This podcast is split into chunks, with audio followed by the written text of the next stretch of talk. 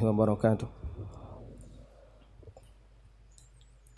Alhamdulillahi haqqa hamdih wa ashhadu an la ilaha illallah wahdahu la syarika lah ta'ziman limajdih wa ashhadu anna Muhammadan abduhu wa rasuluh salawatu rabbi wa salamu alaihi wa ala alihi wa ashabihi wa man sara ala nahjihi ila yaumiddin.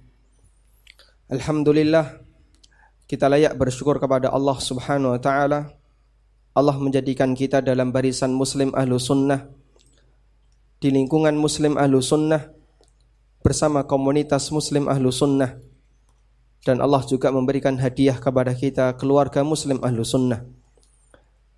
Kita berharap kepada Allah sebagaimana Allah subhanahu wa ta'ala mengumpulkan kita di tempat ini dalam rangka belajar bersama semoga kelak di hari kiamat Allah mengumpulkan kita di surganya menjadi muslim ahlu sunnah ketika menghadap akhirat Sebagaimana Allah firmankan dalam Al-Quran yang menjelaskan tentang keutamaan Muslim ahlu sunnah. Di surat Ali Imran Allah berfirman, Yawma tabyaddu wujuhun wa taswaddu wujuh. Pada hari di mana ada sebagian wajah yang berubah menjadi putih dan ada wajah yang berubah menjadi hitam. Ibnu Abbas radhiyallahu anhu menafsirkan ayat ini dengan mengatakan, Yawma tabyaddu wujuhu ahli sunnati wal jamaah wa taswaddu wujuhu ahlil bid'ah wal furqah. Kelak di hari kiamat wajahnya ahlus sunnah wal jamaah akan berubah menjadi putih dan wajahnya ahlil bid'ah akan berubah menjadi hitam.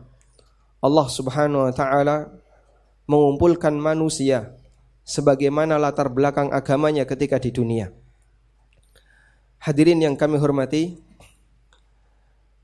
di antara nikmat yang perlu kita syukuri pula Allah memberikan kemudahan bagi kita untuk melakukan ar-ribat mengkaitkan satu amal saleh dengan amal saleh berikutnya. Setelah kita selesai salat maghrib, kita tidak pulang, kita tidak beristirahat, kita tidak menunda waktu makan malam atau kita menunda waktu makan malam, kita tidak bertemu dengan keluarga. Namun Anda di sini dalam rangka belajar bersama, sampai kemudian kita bisa melaksanakan sholat isya. Semoga apa yang kita lakukan ini termasuk bagian dari firman Allah Subhanahu wa taala, "Tatajafa junubuhum 'anil madaji yad'una rabbahum khaufan wa tama'a." Di antara ciri hamba yang bertakwa adalah lambung-lambung mereka jauh dari tempat tidur, mereka beribadah kepada Allah Subhanahu wa taala yang diiringi dengan rasa takut dan penuh harap. Kata Anas bin Malik radhiyallahu humul ladzina ya'budunallaha bainal maghribi wal isya. Itu adalah orang-orang yang beribadah kepada Allah antara maghrib dan isya. Semoga kita termasuk di antaranya. Sebagaimana yang disebutkan dalam pengumuman, kita akan berbicara tentang pintu rizki pintu rizki yang dijelaskan oleh Allah Subhanahu wa taala dan Rasulnya sallallahu alaihi wasallam. Sebelumnya yang perlu kita pahami bahwa jatah rizki yang Allah subhanahu wa ta'ala berikan kepada hambanya atau ketika Allah memberikan rizki kepada hambanya Allah tidak berikan kepada mereka langsung banyak namun Allah subhanahu wa ta'ala memberikan rizki kepada hambanya secara bertahap sedikit demi sedikit dan itulah kondisi yang paling maslahat bagi kehidupan manusia. Allah menggambarkan hal ini di surat Ash-Shura ayat 27 Allah berfirman walau basatallahu rizqa li'ibadihi la baghaw fil ard walakin yunazzilu biqadarim ma yasha. Andaikan aku lapangkan rizki yang aku berikan kepada para hambaku andaikan Allah melapangkan rizkinya kepada hambanya seluas-luasnya la baghaw fil ardi tentu mereka akan bertindak melampaui batas di muka bumi.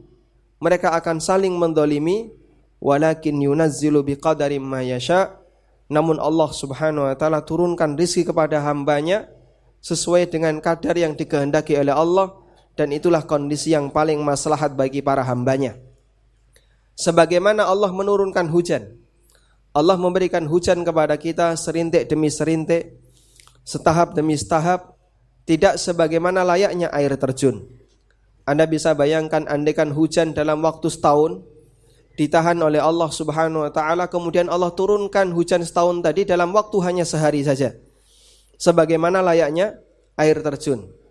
Mungkin kita tidak mendapatkan manfaat dari hujan itu, justru sebaliknya akan banyak sekali madorot yang bisa kita dapatkan. Seperti itulah bagaimana ilustrasi yang diberikan oleh Allah Subhanahu wa taala tentang bagaimana Allah memberikan rizki kepada hambanya.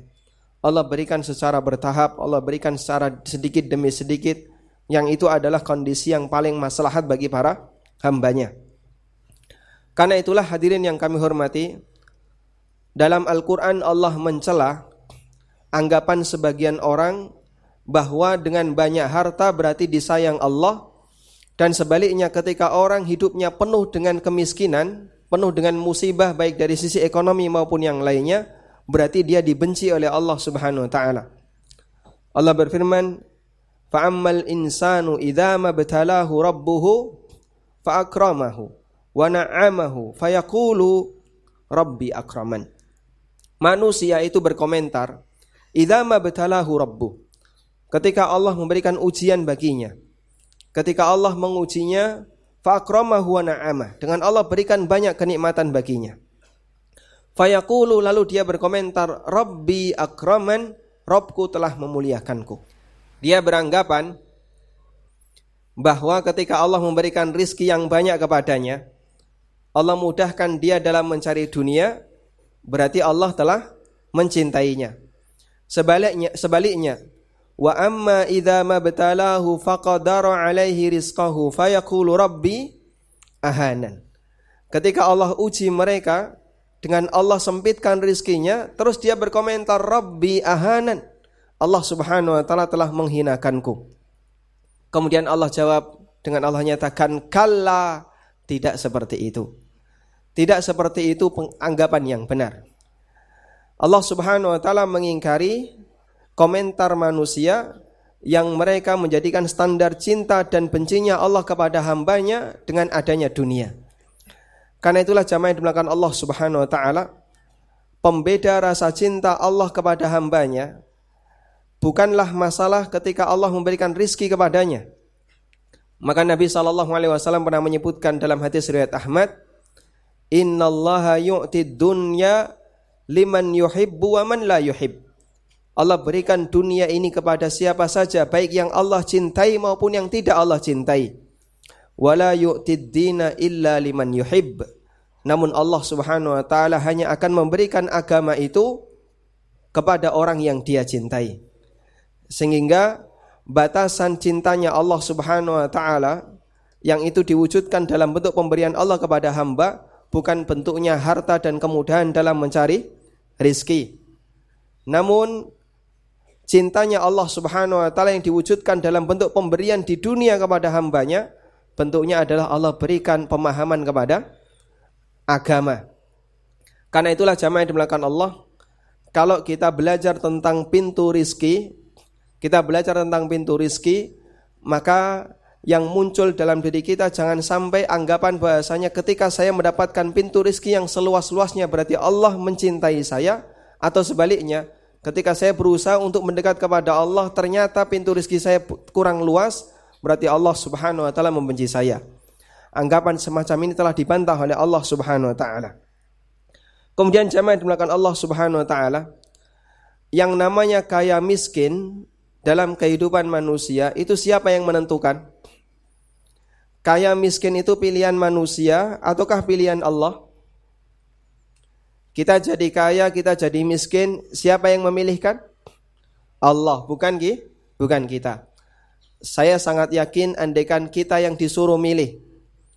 Kita disuruh milih, coba kamu ingin jadi hamba yang taat ingin jadi orang kaya yang bersyukur ataukah miskin yang sabar, saya nggak butuh jawaban dari Bapak Ibu. Karena semuanya pasti akan menjawab kaya yang bersyukur. Cuman yang jadi masalah ketika kita memilih kaya ternyata Allah pilihkan miskin. Hamba yang beriman di mana pun posisi dia.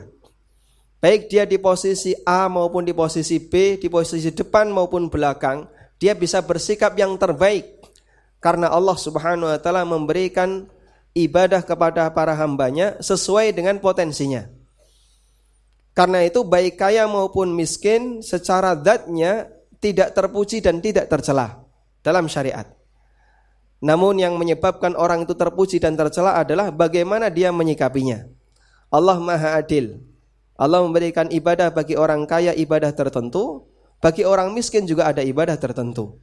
Syukur ibadahnya orang kaya, miskin ibadahnya orang yang atau sabar ibadahnya orang yang miskin. Sehingga bagi seorang mukmin yang lebih penting bukan memikirkan kaya miskin, tapi yang lebih penting adalah memikirkan sikap apa yang bisa saya lakukan ketika saya di posisi ini. Sementara yang menentukan posisi itu adalah Allah Azza wa Jal. Karena itulah jamaah yang dimulakan Allah Subhanahu wa taala. Kaya dan miskin bagi kita kembalikan kepada Allah Subhanahu wa taala. Selanjutnya yang harus kita lakukan adalah saya harus bagaimana dan apa yang harus saya lakukan. Pernah ada sedikit diskusi atau uh, perbedaan pendapat antar sesama para sahabat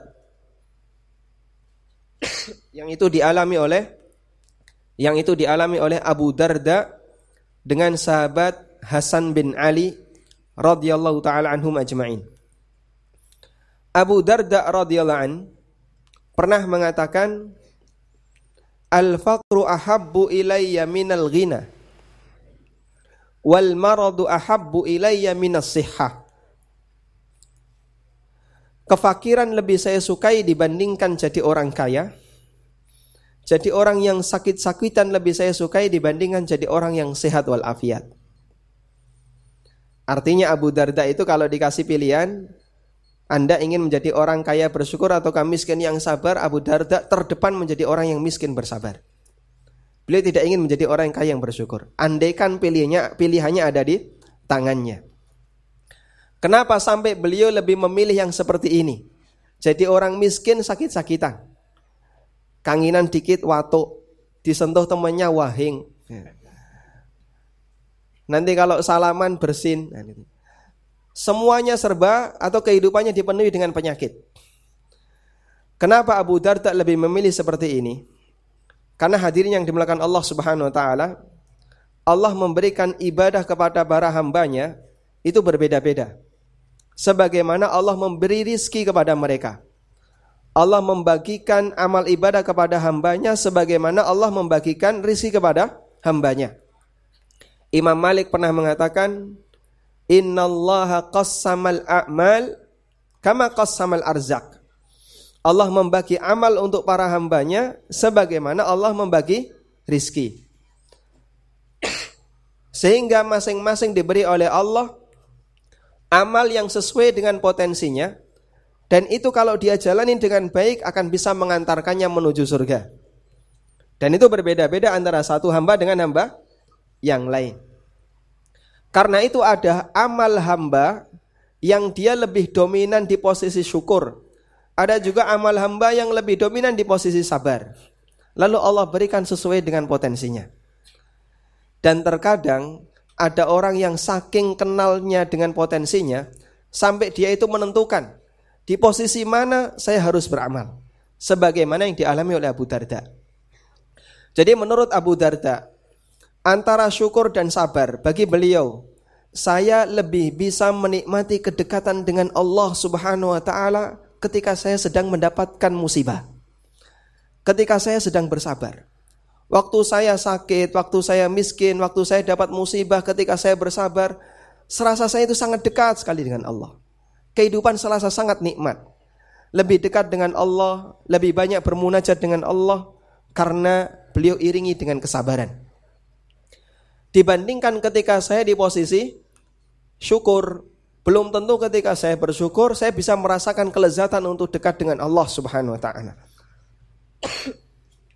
Karena itulah ketika Abu Darda mengenali hal ini, maka beliau menyatakan di posisi orang yang serba kekurangan sehingga saya bisa bersabar lebih saya sukai dibandingkan ketika Allah memberikan saya semua kelebihan sehingga saya harus bersyukur.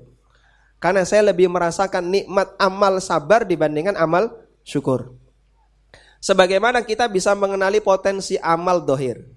Ada di antara bapak ibu yang mungkin lebih suka sholat dibandingkan puasa. Saya mas kalau disuruh tahajud insya Allah kuat pak. Kalau disuruh sholat sunnah saya rajin. Tapi kalau disuruh puasa sehari saja ndak saya ngeluh, gak kuat. Juga ada sebaliknya, ada orang yang kalau disuruh tahajud, suruh bangun sebelum subuh pusing. Tapi kalau disuruh puasa sunnah rajin. Ada juga orang yang potensinya kalau disuruh sedekah gampang. Tapi kalau disuruh ngaji nggak mau. Masing-masing orang punya potensi yang berbeda-beda. Allah membagi amal kepada para hambanya sebagaimana Allah membagi rizki. Sebagaimana Allah membagi amal dohir, ada salat, zakat, puasa, sedekah, membaca Al-Quran, ikut kajian. Allah juga membagi amal batin untuk para hambanya. Karena itulah jamaah yang dibilangkan Allah, ketika Allah memilihkan Anda di posisi tertentu, misalnya Anda diposisikan oleh Allah Subhanahu wa taala sebagai orang yang membutuhkan. Di posisi orang yang miskin, Anda tidak perlu bersedih, berarti bisa jadi potensi amal Anda di mana? Di sabar. Selanjutnya berusahalah untuk meniti potensi ini dengan baik. Semoga ini akan mengantarkan Anda menuju surganya Allah Subhanahu wa taala. Karena itulah ketika Abu Darda menyatakan demikian, dikritik oleh Hasan bin Ali radhiyallahu. Siapa Hasan bin Ali? Cucu Rasulullah sallallahu alaihi wasallam. Hasan bin Ali mengatakan, rahimallahu Aba Darda. Semoga Allah merahmati Abu Darda. Amma ana, kalau menurut saya pribadi, manittakala ila khairi ikhtiyarillahi lahu lam yatamanna syai'a. Siapa yang pasrah terhadap pilihan terbaik yang Allah berikan untuknya, maka dia tidak akan berangan-angan untuk mendapatkan sesuatu yang tidak dia miliki. Makanya ketika Allah posisikan Anda di kanan, jangan berharap untuk mengambil yang kiri.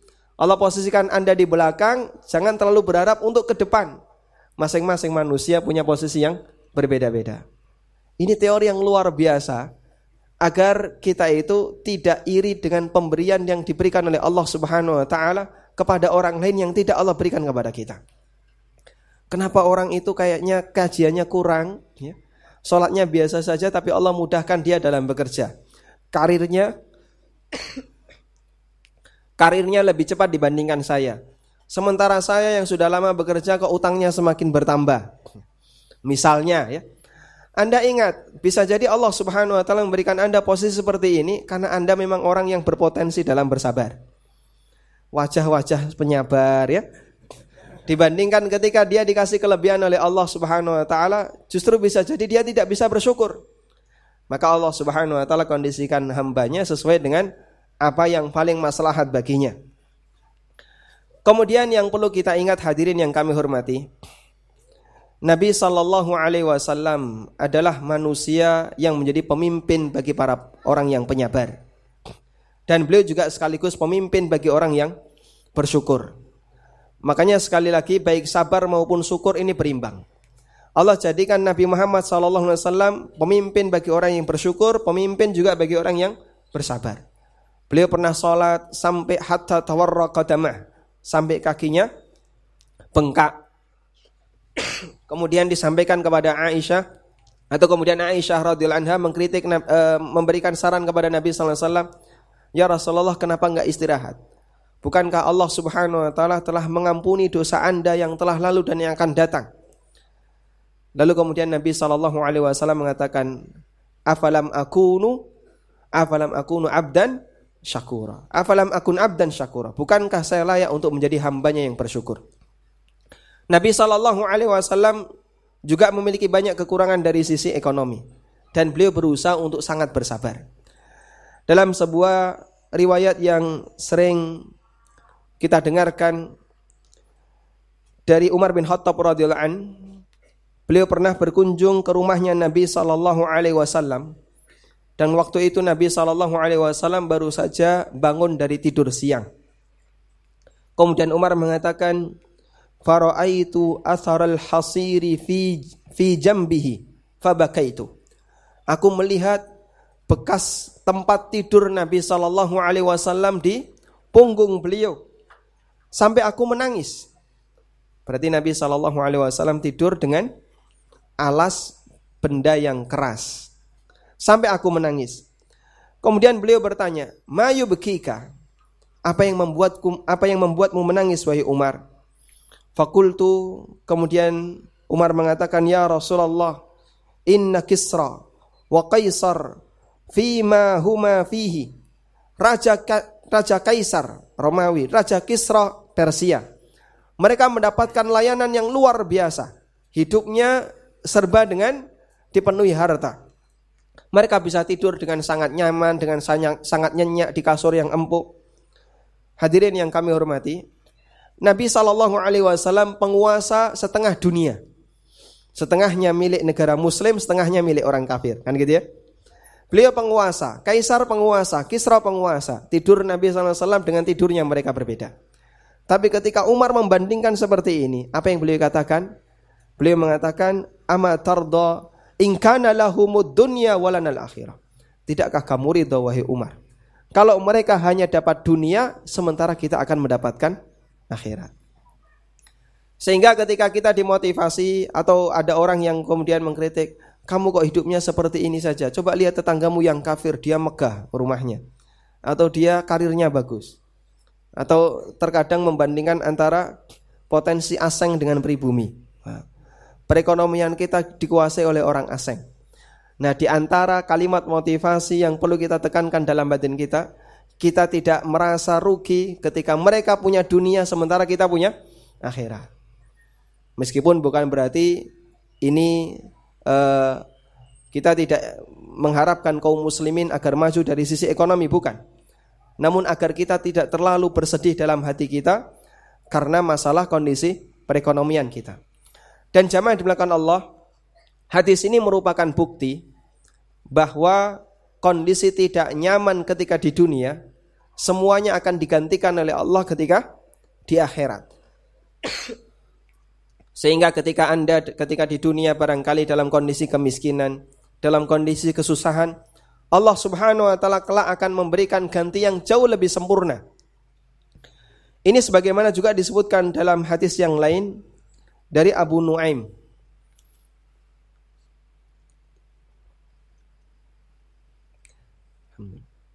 Dari sahabat Abu Hurairah radhiyallahu anhu, beliau mengatakan, dakhaltu 'ala nabi sallallahu alaihi wasallam wa huwa yusalli. Aku menemui Rasulullah sallallahu alaihi wasallam dan ketika itu beliau sedang salat jalisan dalam posisi duduk. Fakultu kemudian aku bertanya, "Ya Rasulullah, innaka tusalli jalisan ma asabaka?" Ya Rasulullah, Anda salat dengan kondisi duduk, apakah Anda sakit? Apa jawab Nabi sallallahu alaihi wasallam? Alju ya Abu Hurairah. Lapar wahai Abu Hurairah. Pernah Anda merasakan lapar sampai nggak bisa bangun?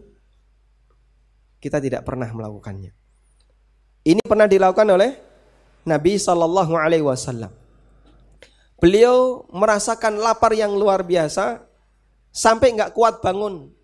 Karena kalau bangun semakin sakit, semakin sakit. Sehingga beliau ketika sholat duduk. Beliau nggak kuat untuk bangun. Alju ya Abu Hurairah. Saya lapar wahai Abu Hurairah. Kita masya Allah semua kebutuhan pangan tidak ada yang kurang. Bahkan sampai pun ketika kita puasa menjelang berbuka belum terasa lapar. Karena puasa kita cuma mindah jam makan saja. Biasanya sarapan jam 6 digeser jam 4. Biasanya makan siang jam 1 misalnya atau jam 12 digeser waktu maghrib. Secara kuantitas sama, tiga kali dalam sehari. Cuman waktunya yang berbeda. Tayyib. Hadirin yang kami hormati, ketika Nabi Shallallahu Alaihi Wasallam dalam kondisi seperti ini, Abu Hurairah menangis. Fabaka itu. Faqala la tabki ya Abu Hurairah. Kemudian beliau mengatakan, kamu tidak perlu menangis wahai Abu Hurairah. Fa inna shiddatal hisab yaumal qiyamah la tusibul ja'i'a idha ihtasaba fi darid dunya. Karena kerasnya hisab di hari kiamat tidak akan dihadapi oleh mereka yang pernah lapar ketika di dunia. Coba sesekali kita mengalami suasana seperti ini dikondisikan betul. Jadi memang dibuat lapar. Semoga ketika kita dalam kondisi seperti ini dan itu sambil puasa ya, mungkin sahurnya sedikit ya. Kemudian ketika juga ketika berbuka juga tidak berlebihan. Kita dalam kondisi lapar dengan harapan ikhtisab semoga Allah Subhanahu wa taala memberikan pahala terhadap apa yang kita lakukan dan ini kata Nabi sallallahu alaihi wasallam salah satu di antara keutamanya adalah Allah Subhanahu wa taala akan hindarkan dirinya dari syiddatul hisab yaumal qiyamah, kerasnya hisab di hari kiamat.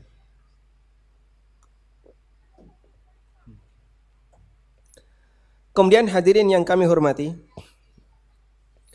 kita juga perlu memahami bahwa rizki yang Allah berikan kepada para hambanya itu tidak satu tingkatan. Namun rizki itu bertingkat-tingkat. Ada rizki yang dipuji oleh syariat. Dan ada rizki yang dihinakan oleh syariat. Yang saya maksud rezeki di situ adalah penghasilan yang didapatkan oleh manusia. Ada penghasilan kita yang dipuji oleh syariat dan ada penghasilan kita yang dihinakan oleh syariat. Meskipun semuanya halal. Di sini saya berbicara tentang masalah yang halal. Apa ada harta halal yang tidak bermartabat? Ini disebutkan dalam hadis riwayat Muslim.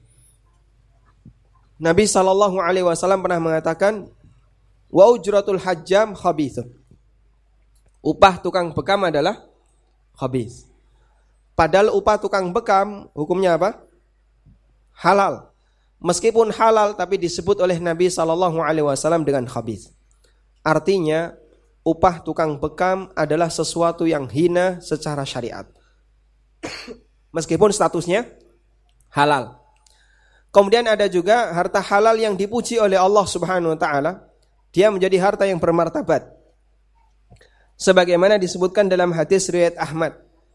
Ketika Nabi Shallallahu alaihi wasallam memuji sahabat Amr ibnul As radhiyallahu anhu. Amr radhiyallahu anhu pernah dikasih harta rampasan perang oleh Nabi Shallallahu alaihi wasallam.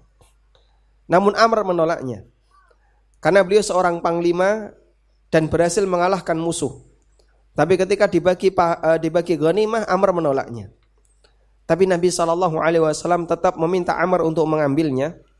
Lalu beliau mengatakan, Khud ya Amr, ambillah wahai Amr, ambil wahai Amr, fa innal mal salih, fa inna ni'mal mal salih lirrajuli salih. Karena sesungguhnya harta yang terbaik adalah malus saleh yang dipegang oleh ar-rajulus saleh. Harta yang saleh di tangan orang yang saleh. Ini luar biasa Pak. Hartanya saleh, pemiliknya saleh. Sehingga harta ini di samping berkah, harta ini juga digunakan untuk sesuatu yang sama sekali tidak ada mengandung dosa. Karena pemiliknya orang yang saleh. Itulah harta yang dinilai bermartabat oleh Nabi sallallahu alaihi wasallam. Tayyib. Kemudian apa yang dimaksud dengan al-malus saleh, harta yang saleh? Harta yang saleh adalah harta yang didapatkan dengan cara yang halal dan yang kedua ketika dia mendapatkannya, dia mencarinya tidak diiringi dengan perasaan terlalu bernafsu. Sehingga bagi dia ketika mendapatkannya tidak diiringi perasaan terlalu bernafsu untuk mendapatkannya. Tapi bisa khawati nafsin, dia dapatkan harta itu dengan perasaan yang nyaman maka dia pada saat jual beli tidak terlalu memaksakan konsumennya untuk beli. Ketika dia bekerja tidak terlalu memaksakan diri untuk mendapatkan penghasilan. Tapi dia dapatkan dengan cara yang dengan cara yang nyaman. Itulah al-malu saleh. Sebagaimana Amr ibnul As radhiyallahu an pada saat beliau mendapatkan harta dikasih oleh Nabi sallallahu alaihi wasallam dan ditolak oleh Amr. Beliau merasa tidak putuh dan beliau tidak bernafsu untuk mendapatkannya. Namun karena ini haknya panglima sebagai salah satu anggota yang ikut perang, maka tetap diberikan oleh Rasulullah sallallahu alaihi wasallam. Tayyib. Kemudian jamaah di belakang Allah Subhanahu wa taala, mukaddimah berikutnya. Yang perlu kita pahami tentang masalah pintu rizki. Bahasanya hakikat dari rizki itu ada dua. Hakikat dari rizki itu ada dua. Yang pertama hakikat kauni, Yang kedua hakikat syar'i. Hakikat rizki secara kauni dan hakikat rizki secara syar'i. Apa maksudnya hakikat rizki secara kauni? Maksud hakikat rizki secara kauni adalah rizki sejatinya yang bisa kita miliki. Hakikat rizki secara kauni yaitu rizki sejatinya yang yang kita miliki ketika di dunia ini disebutkan oleh Nabi Shallallahu Alaihi Wasallam dalam hadis riwayat Muslim. Rasulullah Shallallahu Alaihi Wasallam pernah bersabda, Yakulu ibnu Adam, mali, mali, mali. Manusia selalu terobsesi untuk merebut hartaku, hartaku, dan hartaku. Sehingga dia berusaha bagaimana untuk bisa mendapatkan harta yang sebanyak-banyaknya. Lalu kemudian Nabi SAW berkomentar, Wahallaka mimma lika ya Adam, illa ma akalta fa'afnaita, wa ma labista fa'afnaita, fa'ablaita, wa ma tasaddaqta fa'amdaita.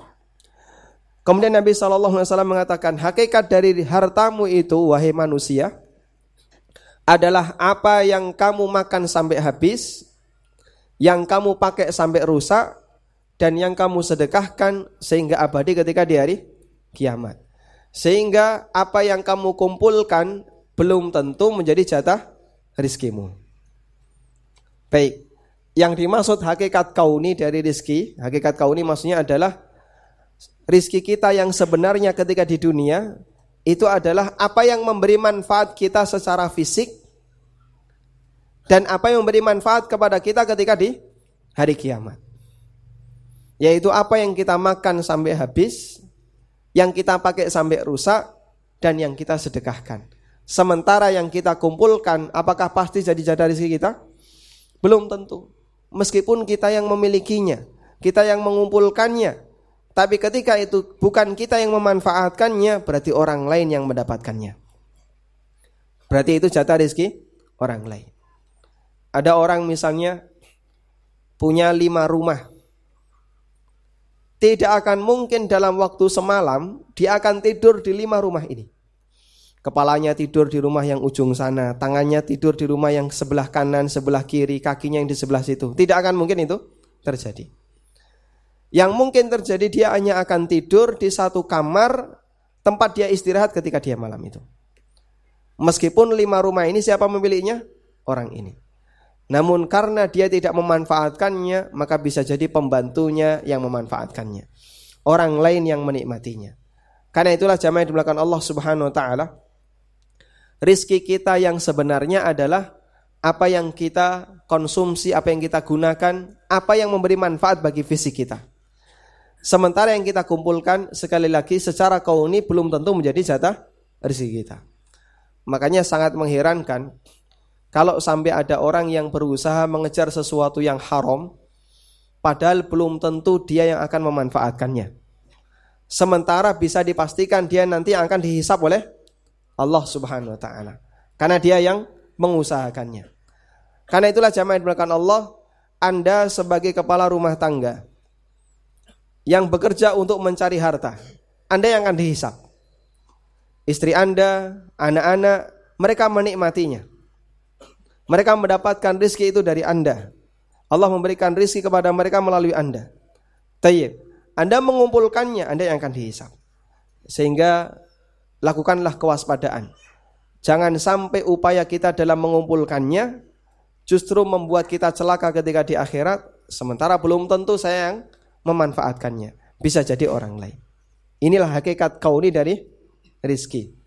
Sehingga apa pun yang kita kumpulkan, yang mampu kita makan hanya sekian. Yang mampu kita gunakan hanya sekian. Sisanya yang kita kumpulkan, kita tidak bisa menggunakannya sama sekali. Tayyib.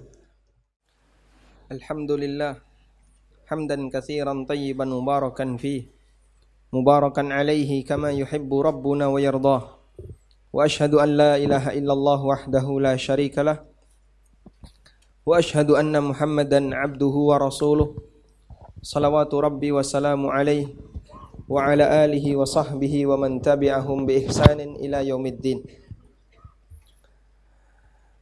dari pengertian yang tadi kita sampaikan bahwa hakikat rizki secara kauni hakikat rizki secara kauni adalah apa yang bermanfaat bagi fisik kita ketika di dunia. Maka dari sini kita bisa memberikan turunan kaidah ini. Sehebat apa pun kekayaan seseorang sebanyak apa pun penghasilannya tidak akan mampu melampaui jatah rizkinya sehingga Anda mau berpenghasilan 10 juta per bulan, 100 juta per bulan, sekian puluh juta per bulan dengan yang berpenghasilan 1 juta per bulan yang dimakan tetap volumenya sama.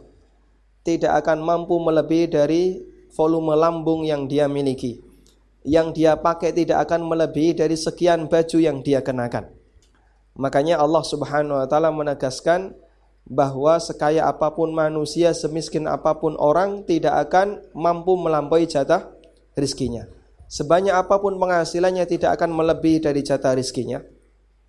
Semiskin apa pun dia juga tidak akan mengurangi jatah rizkinya. Itu bagian dari turunan pemahaman kita bahwa yang namanya rizki adalah apa pun yang bermanfaat bagi diri kita ketika di dunia. Dan itulah hakikat rizki secara apa? Kauni, secara takdir. Kemudian berikutnya, jenis hakikat rizki yang kedua adalah hakikat rizki secara syar'i. Hakikat rizki secara syar'i maknanya adalah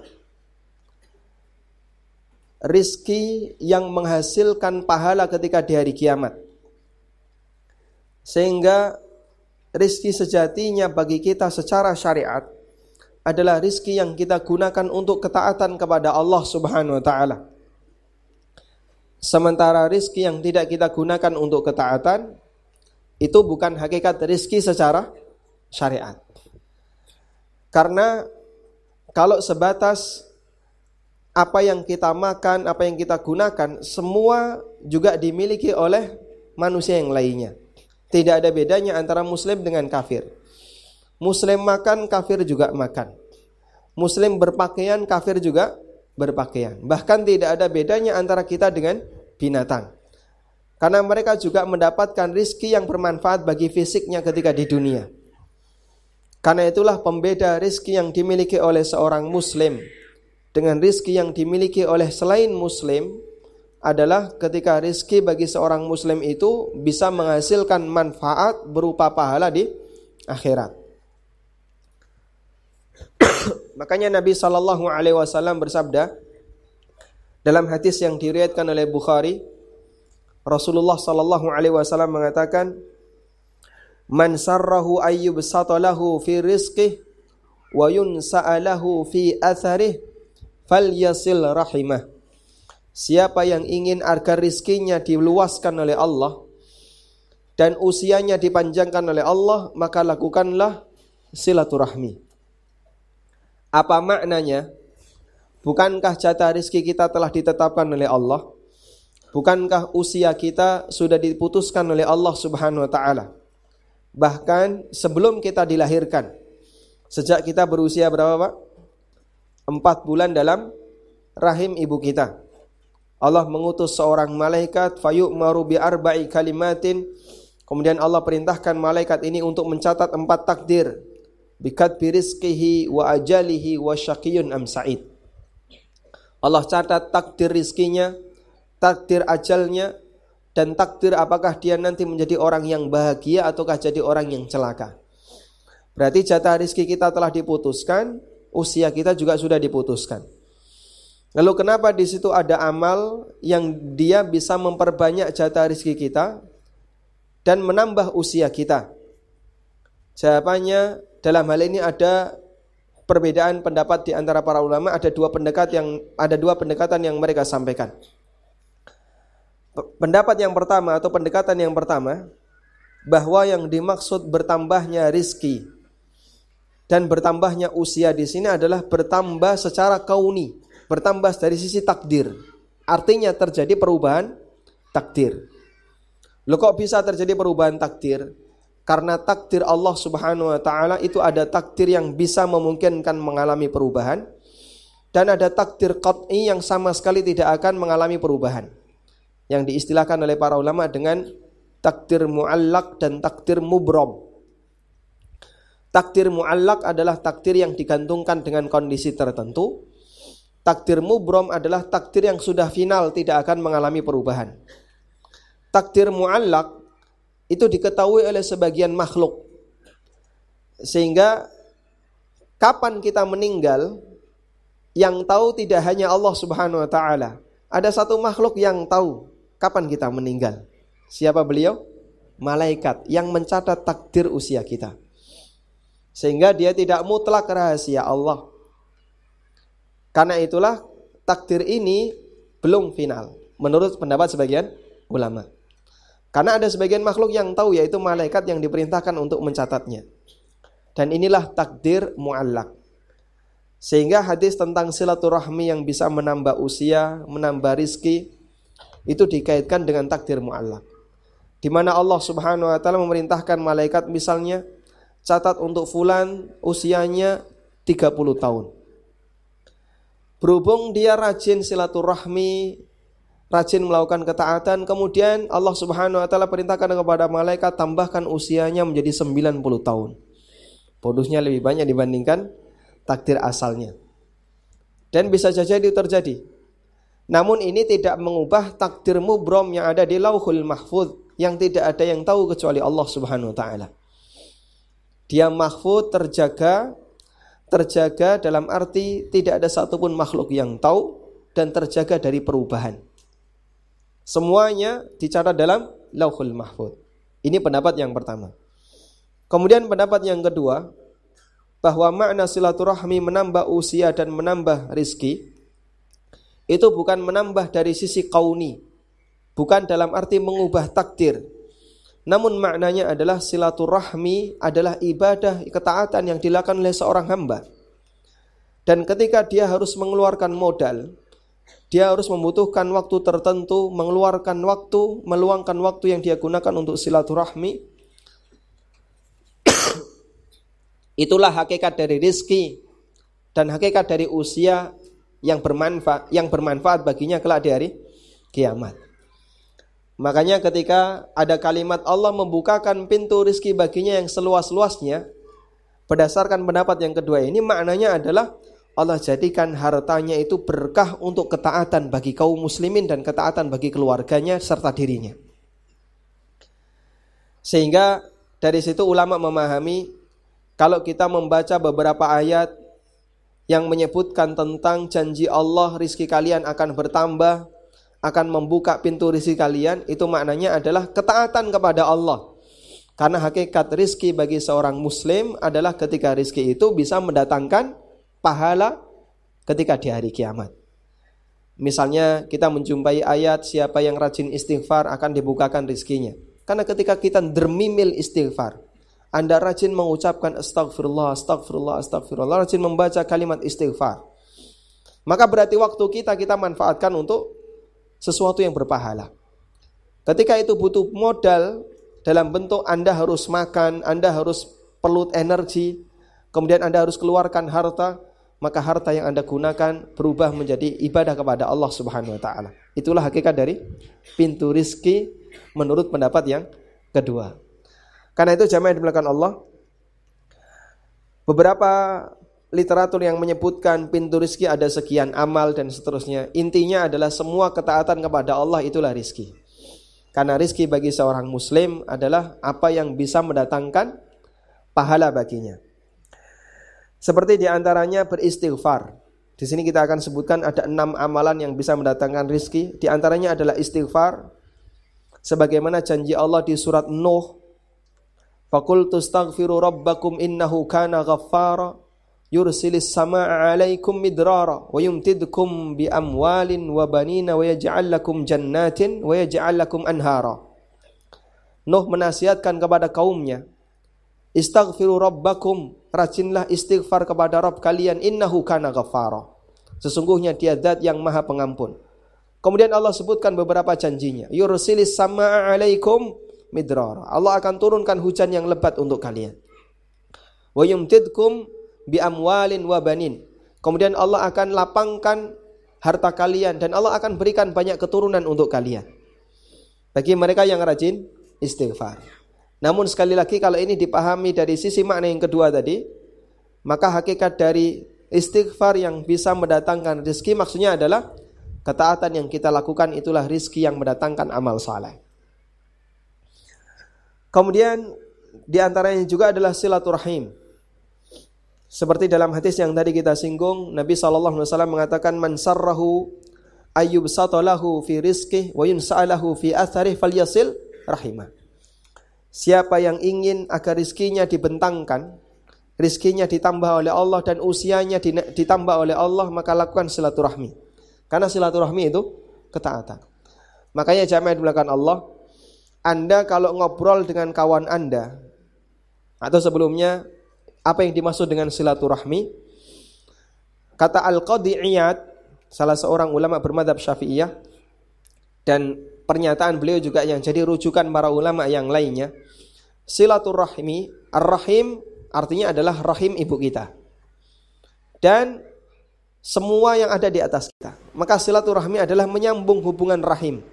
Siapa yang dulu masih satu rahim dengan kita, mereka adalah yang diperintahkan untuk kita lestarikan hubungannya dengan kita. Dan di situ ada rahim yang jauh, ada rahim yang dekat. Rahim yang dekat semua mahram kita, itu rahim yang dekat.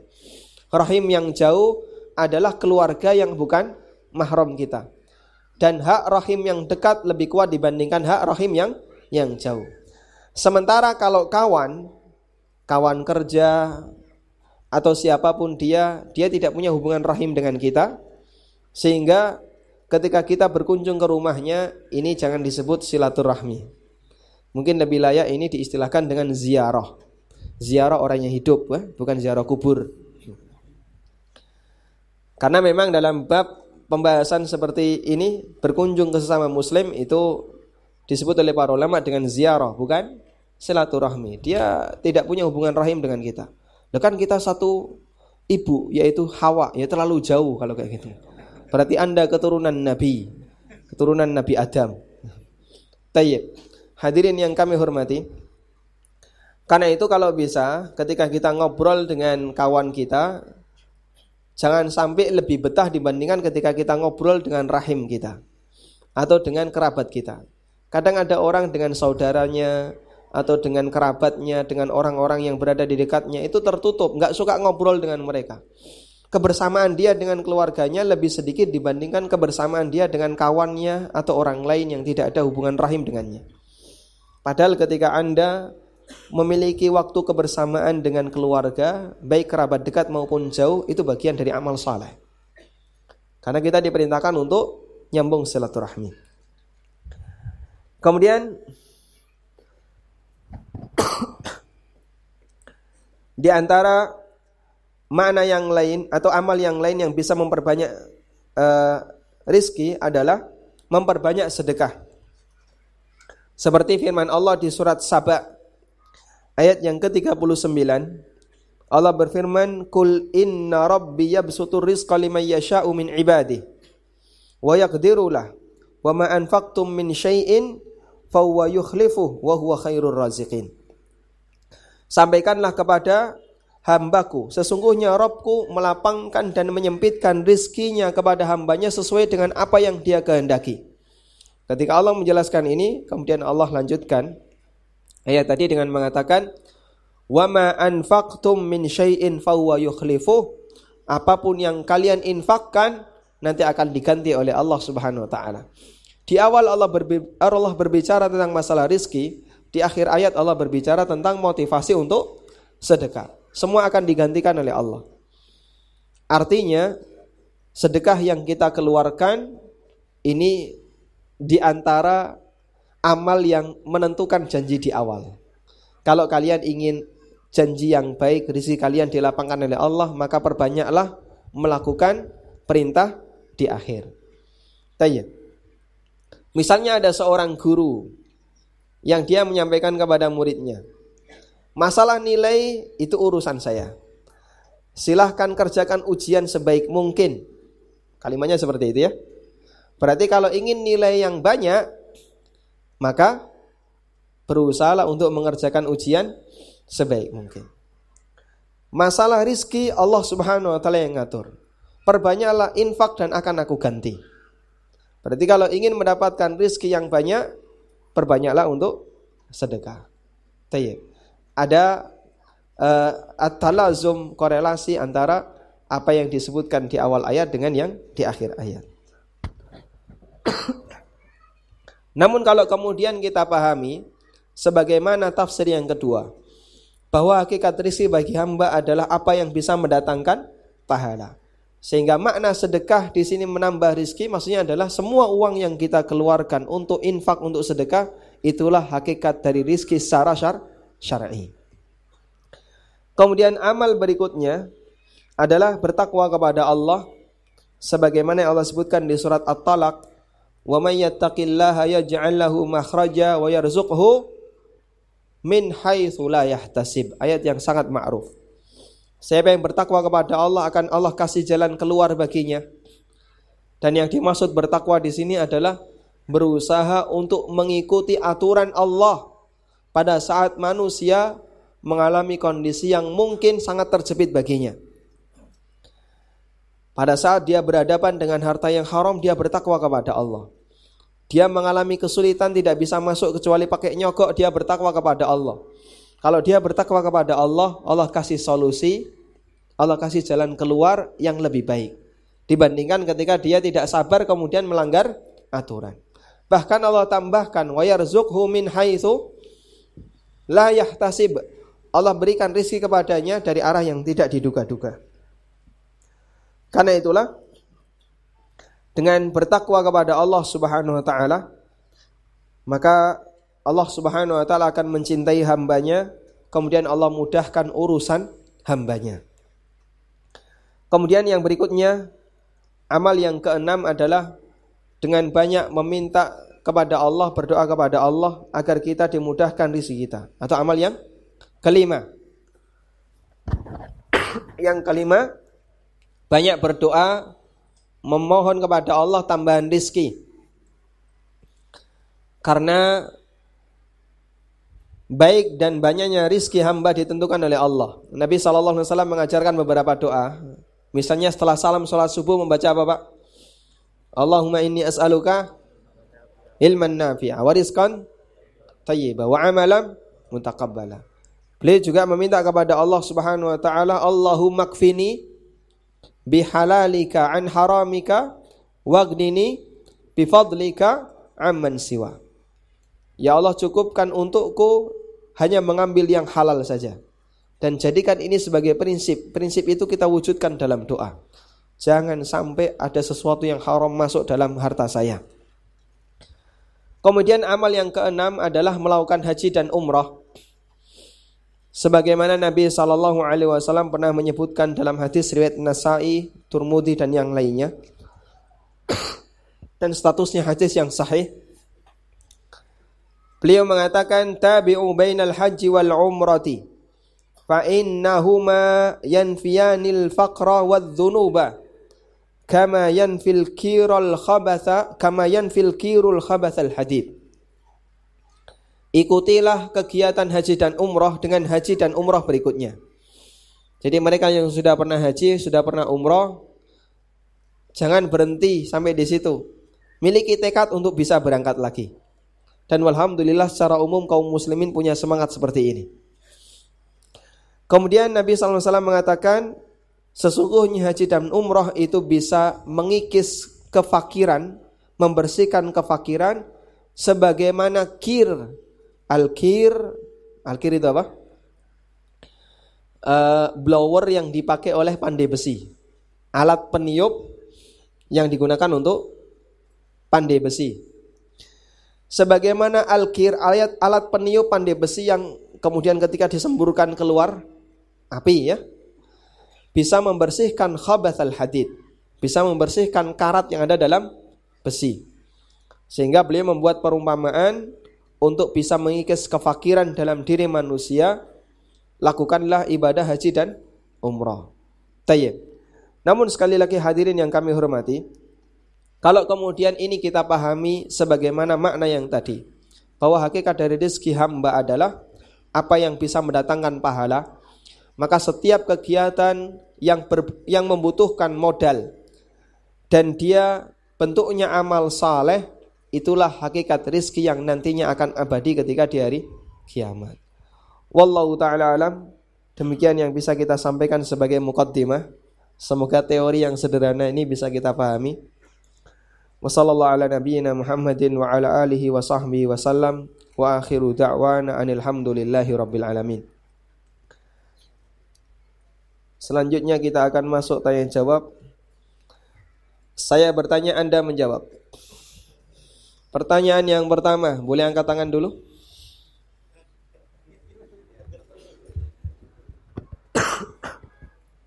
Ada yang mau siap jawab? Taib. Pertanyaannya, apa yang dimaksud hakikat rizki secara kauni.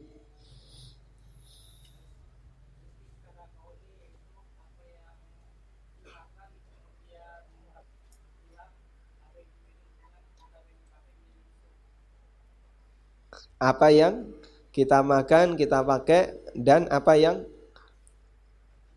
intinya bermanfaat bagi visi kita ketika di. Masya Allah, barakallahu fikum. Baik, yang kedua, pertanyaan yang kedua, siapa yang datang dari Jailah paling jauh? Nah.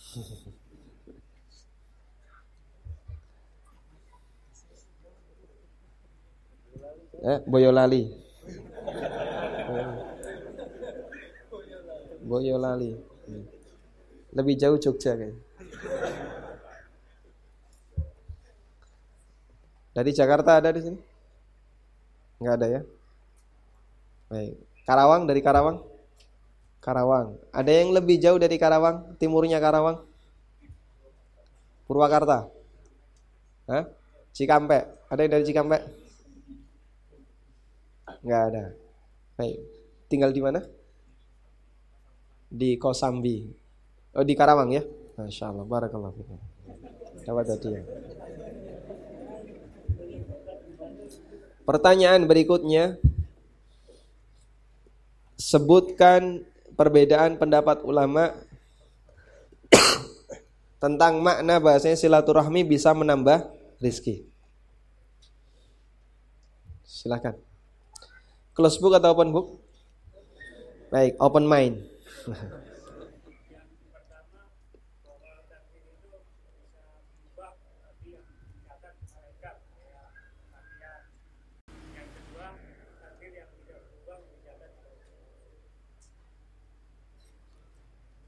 Makna yang pertama apa? Yang dicatat malaikat bisa berubah. Jadi maksud penambahan rizki malaik, eh, takdir berubah itu maksudnya gimana?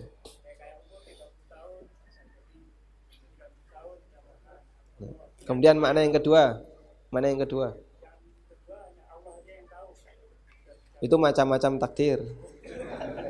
Pertanyaannya adalah apa makna silaturahmi bisa menambah rizki.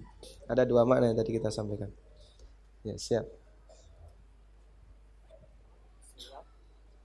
Jadi yang menurut pendapat yang pertama adalah menambah secara hakiki.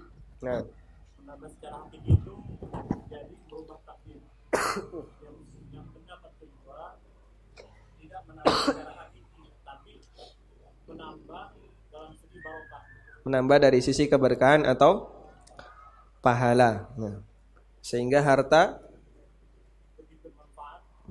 yang dia keluarkan untuk silaturahmi berpahala. Barakallahu fikum. Kita masuk tanya jawab ya. Dari pemirsa Ahsan TV di Ciputat. Kita dahulukan yang ada di sini dulu. Mohon dijelaskan perbedaan istilah takdir kauni dan takdir syar'i.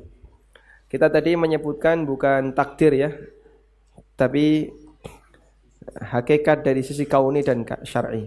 Kauni itu artinya takdir. Kalau syar'i artinya aturan. kehendak Allah itu ada kehendak kauni, ada kehendak syar'i. Kehendak Allah kauni artinya apa yang ditakdirkan oleh Allah. Allah berkehendak menciptakan A, B, C dan apa pun yang ada di alam ini.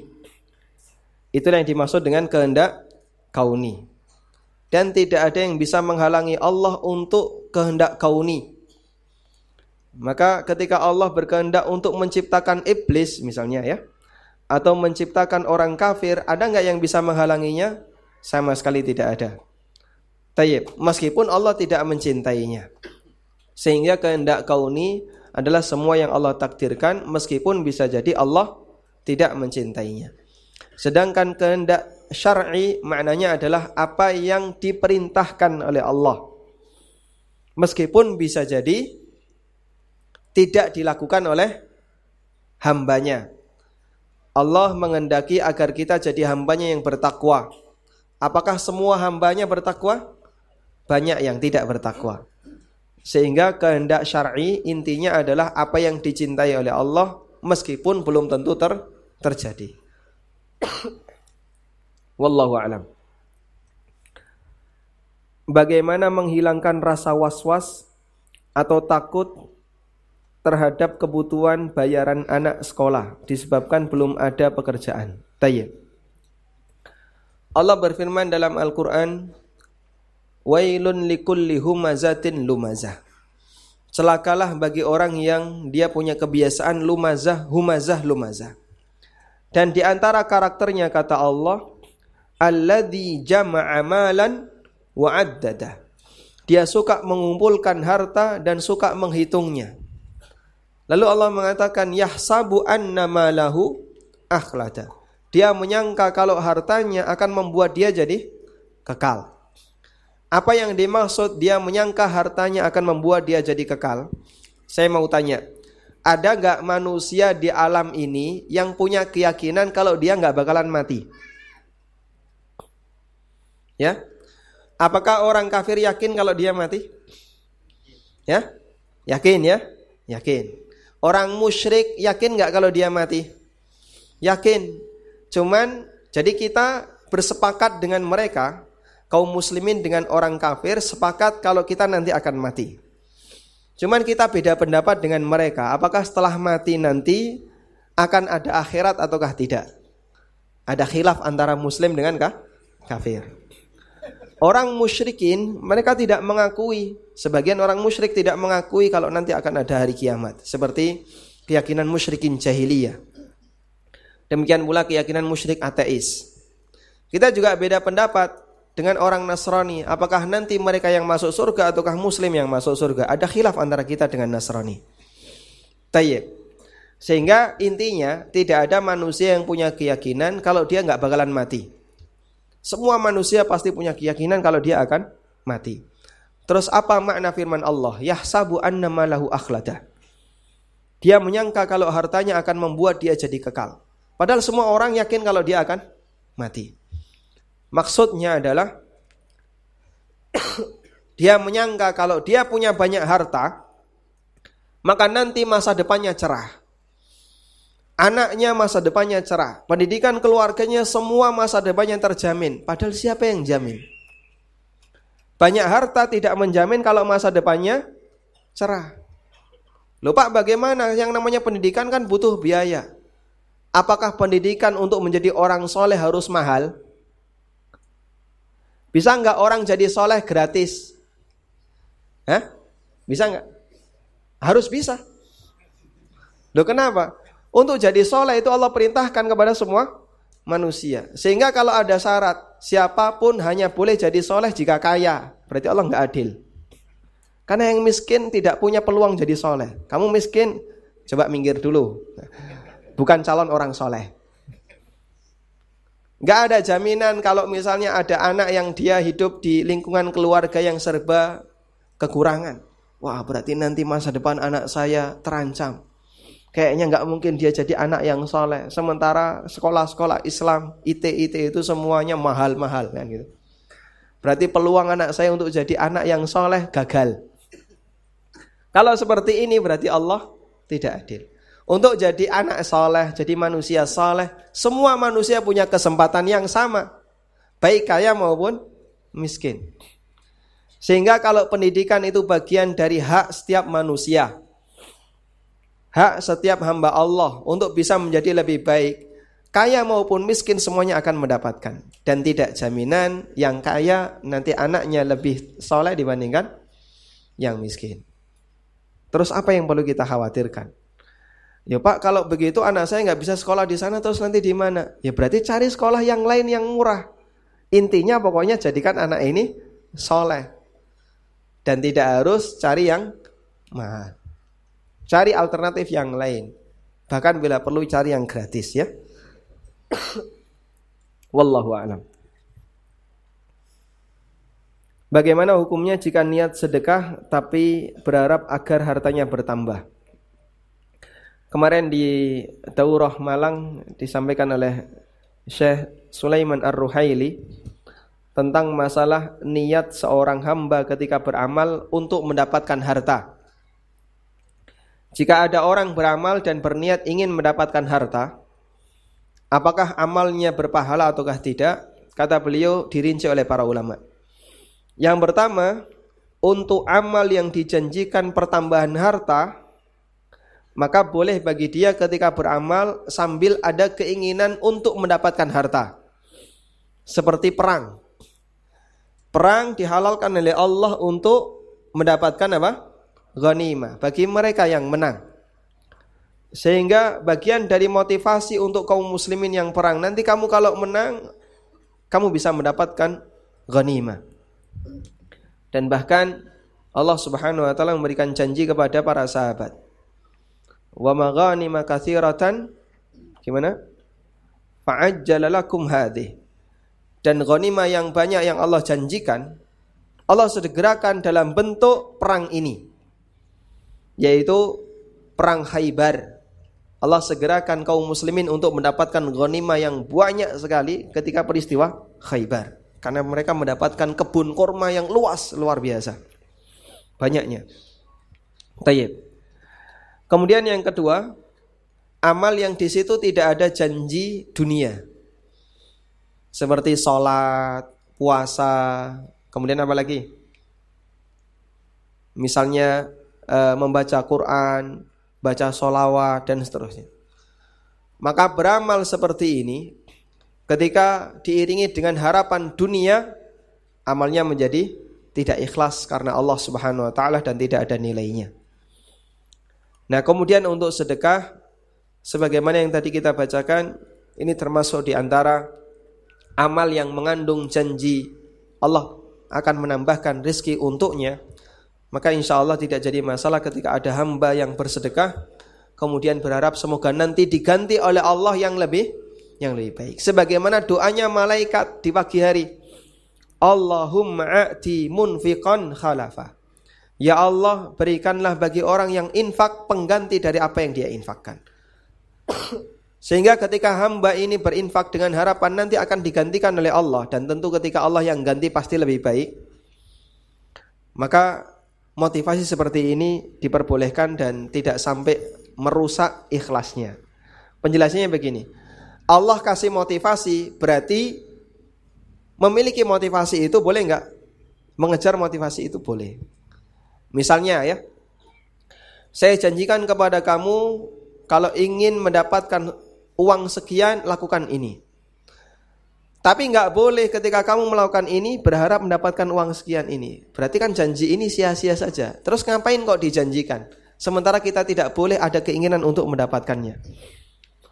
Berarti tidak perlu dijanjikan dari awal. Artinya bertentangan dengan hikmah Allah Subhanahu wa taala. Dijanjikan berarti boleh diha diharapkan. Makanya para ulama mengatakan orang beramal dengan berharap ingin dapat bidadari, boleh nggak? Hah? Meskipun istrinya cemburu nggak jadi masalah. Orang beramal dengan harapan ingin mendapatkan surga, silahkan boleh-boleh saja. Kenapa?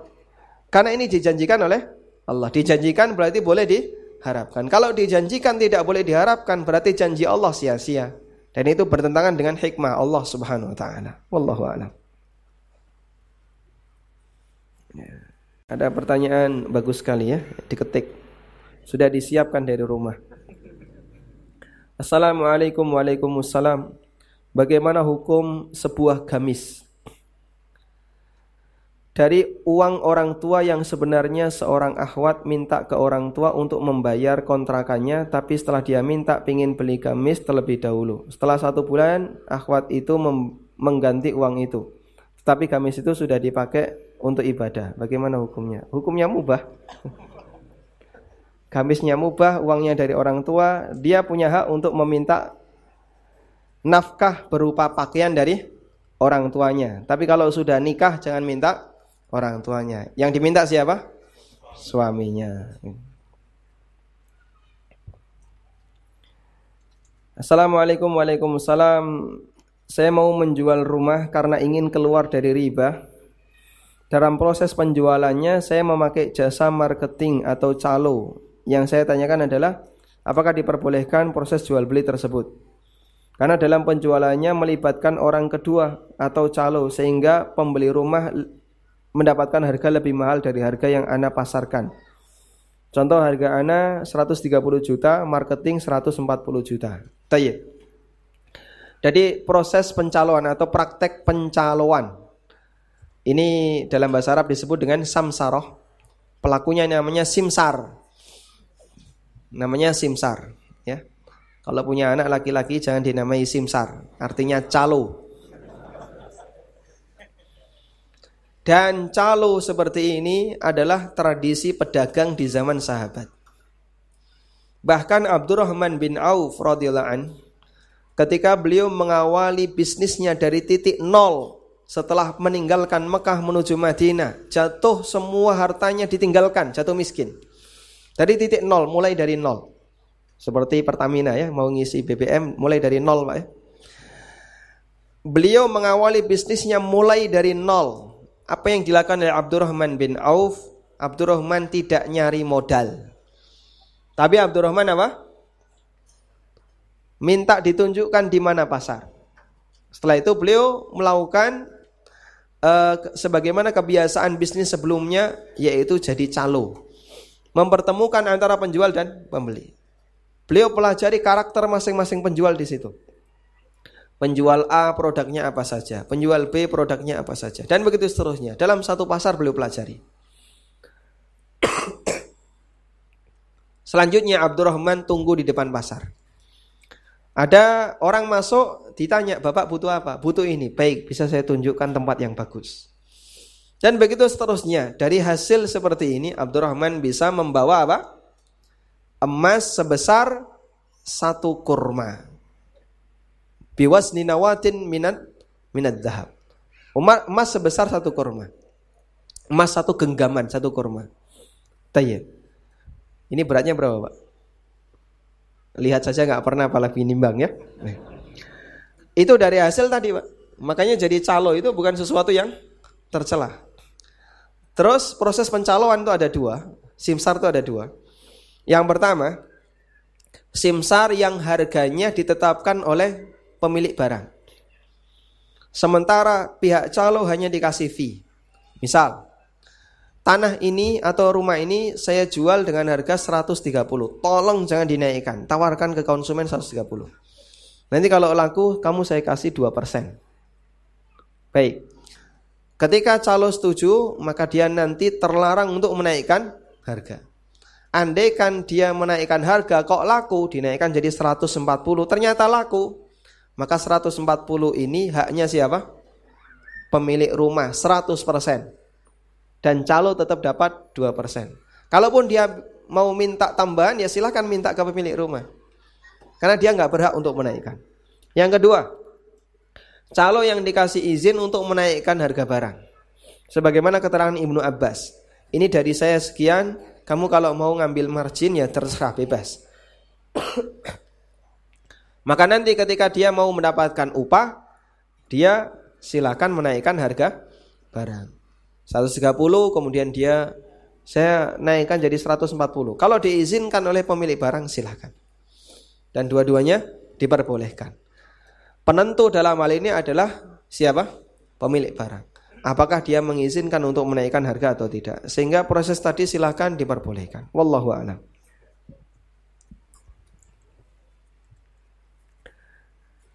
Saya jamin semua pertanyaan tidak terjawab. Eh, bukan begitu, kalimatnya beda ya.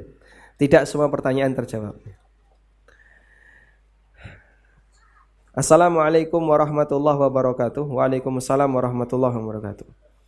Mau menikah bulan-bulan ini, tapi semakin mendekati hari H pernikahan, saya ditimpa dengan kebingungan dan ragu-ragu. Padahal saya sudah sholat istikharah. Apakah dari keraguan-raguan itu bentuk daya, tipu daya setan? Tanya. Kalau ragu-ragu itu berdasar, misalnya Anda mendapatkan informasi tambahan kalau calon Anda ada sedikit masalah, kemudian Anda timbul keraguan, insya Allah keraguan seperti ini bisa dijadikan sebagai pertimbangan antara tetap melanjutkan ataukah mundur. Tapi kalau keraguan seperti ini sifatnya hanya was-was, Anda nggak punya dasar sama sekali. Hanya sebatas ya, kayaknya pengen membatalkan, cari yang lain.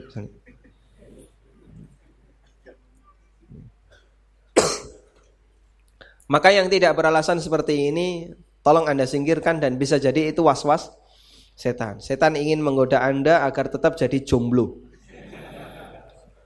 sehingga dia masuk dalam jaringan Jovisa. Apa itu? Jumlo fi sabilis syaiton. Yang itu bahaya ya. Bertahan dalam kondisi jomblo biar dia bisa nanti nador kanan nador kiri ya. Koleksi nador.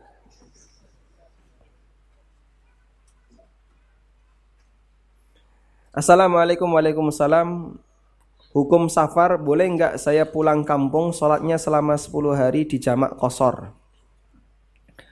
Kalau Anda sudah menetap di sini, keluarga di sini semuanya dan Anda tinggal di sini, kemudian Anda pulang kampung, maka status Anda pulang kampung musafir.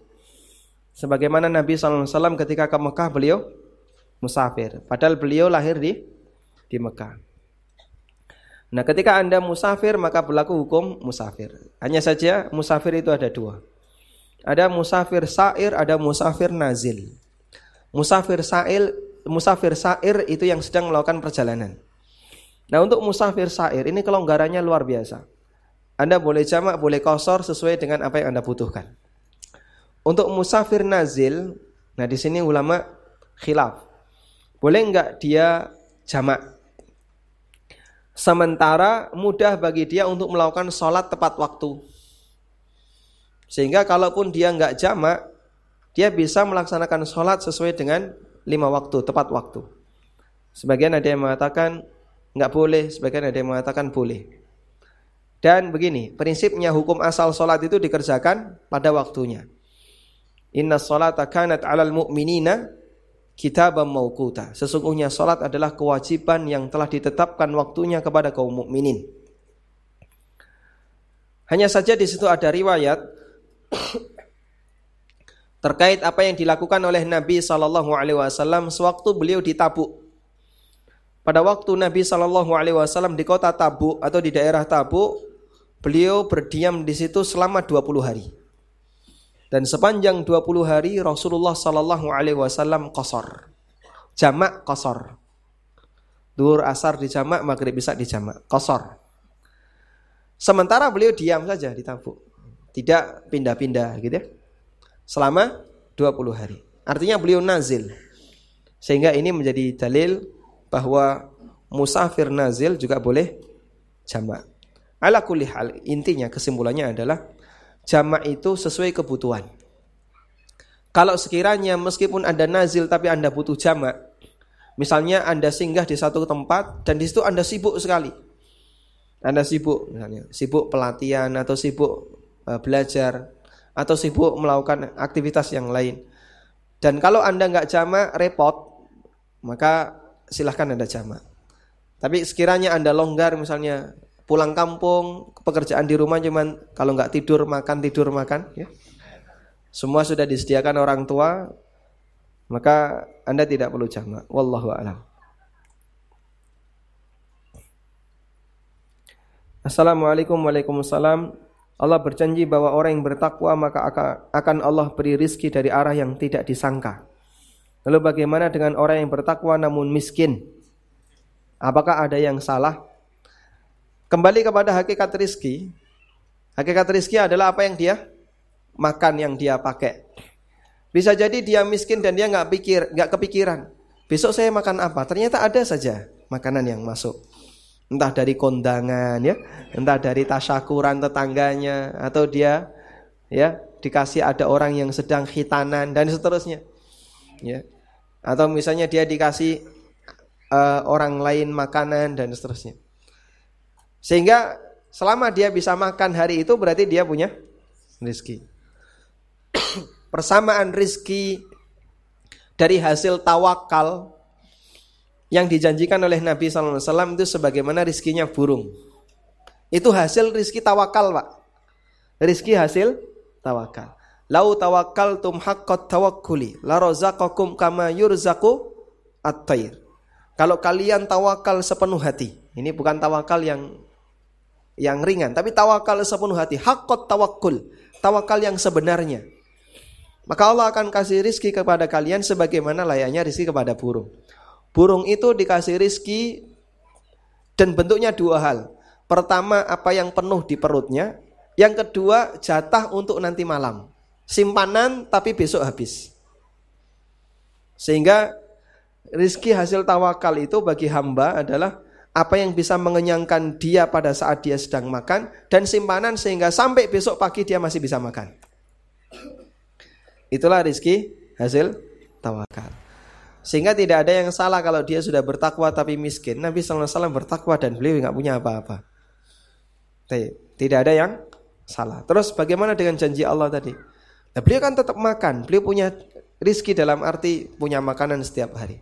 Datang dari arah yang tidak diduga-duga. Hari ini kelaparan, Alhamdulillah ternyata ada kajian di masjid, ada snacknya gratis. Takmir kecipratan. Alhamdulillah marbot yang nggak punya duit tapi gemuk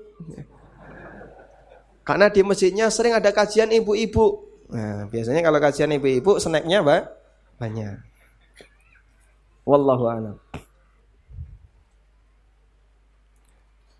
Assalamualaikum Waalaikumsalam Apakah utang atau mendapatkan pinjaman termasuk riba? Utang bukan riba Nabi SAW pernah berutang Sahabat juga pernah berutang Maka bedakan uang utang dengan uang riba Orang utang di bank 100 juta, bunganya 8 persen. Sehingga dalam waktu satu tahun dia harus membayar 108 juta. Sudah? Mana uang ribanya? 8 juta. 100 juta ini uang apa? Uang riba bukan? Bukan, itu uang utang. Sehingga bedakan antara uang utang dengan uang riba. Baik. Meskipun kalau Anda meminjam seperti ini Anda berdosa. Dosanya yang pertama dia menyepakati klausul riba, transaksi riba. Yang kedua kalau dia membayar 8% tadi, 8 jutanya, maka dia statusnya pemberi makan riba dan itu dilaknat oleh Nabi sallallahu alaihi wasallam.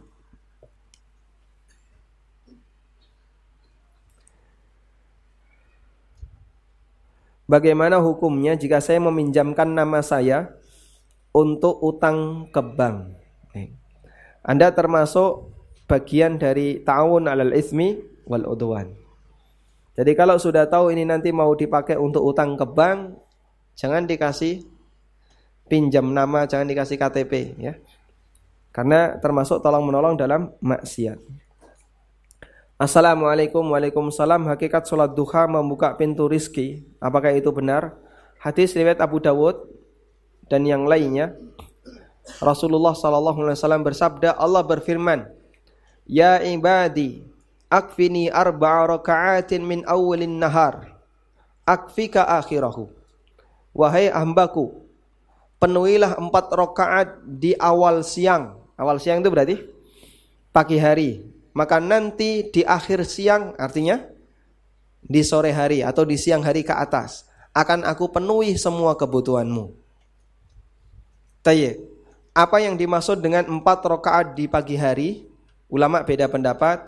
Salah satunya ada yang mengatakan maksudnya adalah qobliyah subuh dan sholat subuh. Qobliyah subuh berapa rakaat? Dua rakaat. Sholat subuhnya dua rakaat, empat rakaat. Ada juga yang mengatakan sholat duha empat rakaat. Dan dua pendapat ini karena kemungkinannya sama-sama kuat, maka bisa kita pahami, bisa dipahami yang pertama maupun yang kedua. Karena itu hadis ini tidak spesifik menyebutkan keutamaan sholat duha. Cuman orang sering memberikan ini sebagai motivasi. Kalau pengen suge, utangnya cepat lunas, rajin-rajin sholat duha. Dalil khususnya tidak ada selain hadis ini. Itu pun masih bisa dipahami. Maksudnya adalah dua rakaat qabliyah subuh dan dua rakaat sholat subuh. Wallahu a'lam. Cukup baik. Wallahu a'lam demikian yang bisa kita sampaikan. Semoga bermanfaat. Mohon maaf jika ada banyak yang kurang. Wassallallahu ala nabiyyina Muhammadin wa ala alihi wa sahbihi wa sallam wa akhiru ta'wana alhamdulillahi rabbil alamin. Wassalamualaikum warahmatullahi wabarakatuh. Subhanakallahumma wa bihamdika asyhadu an la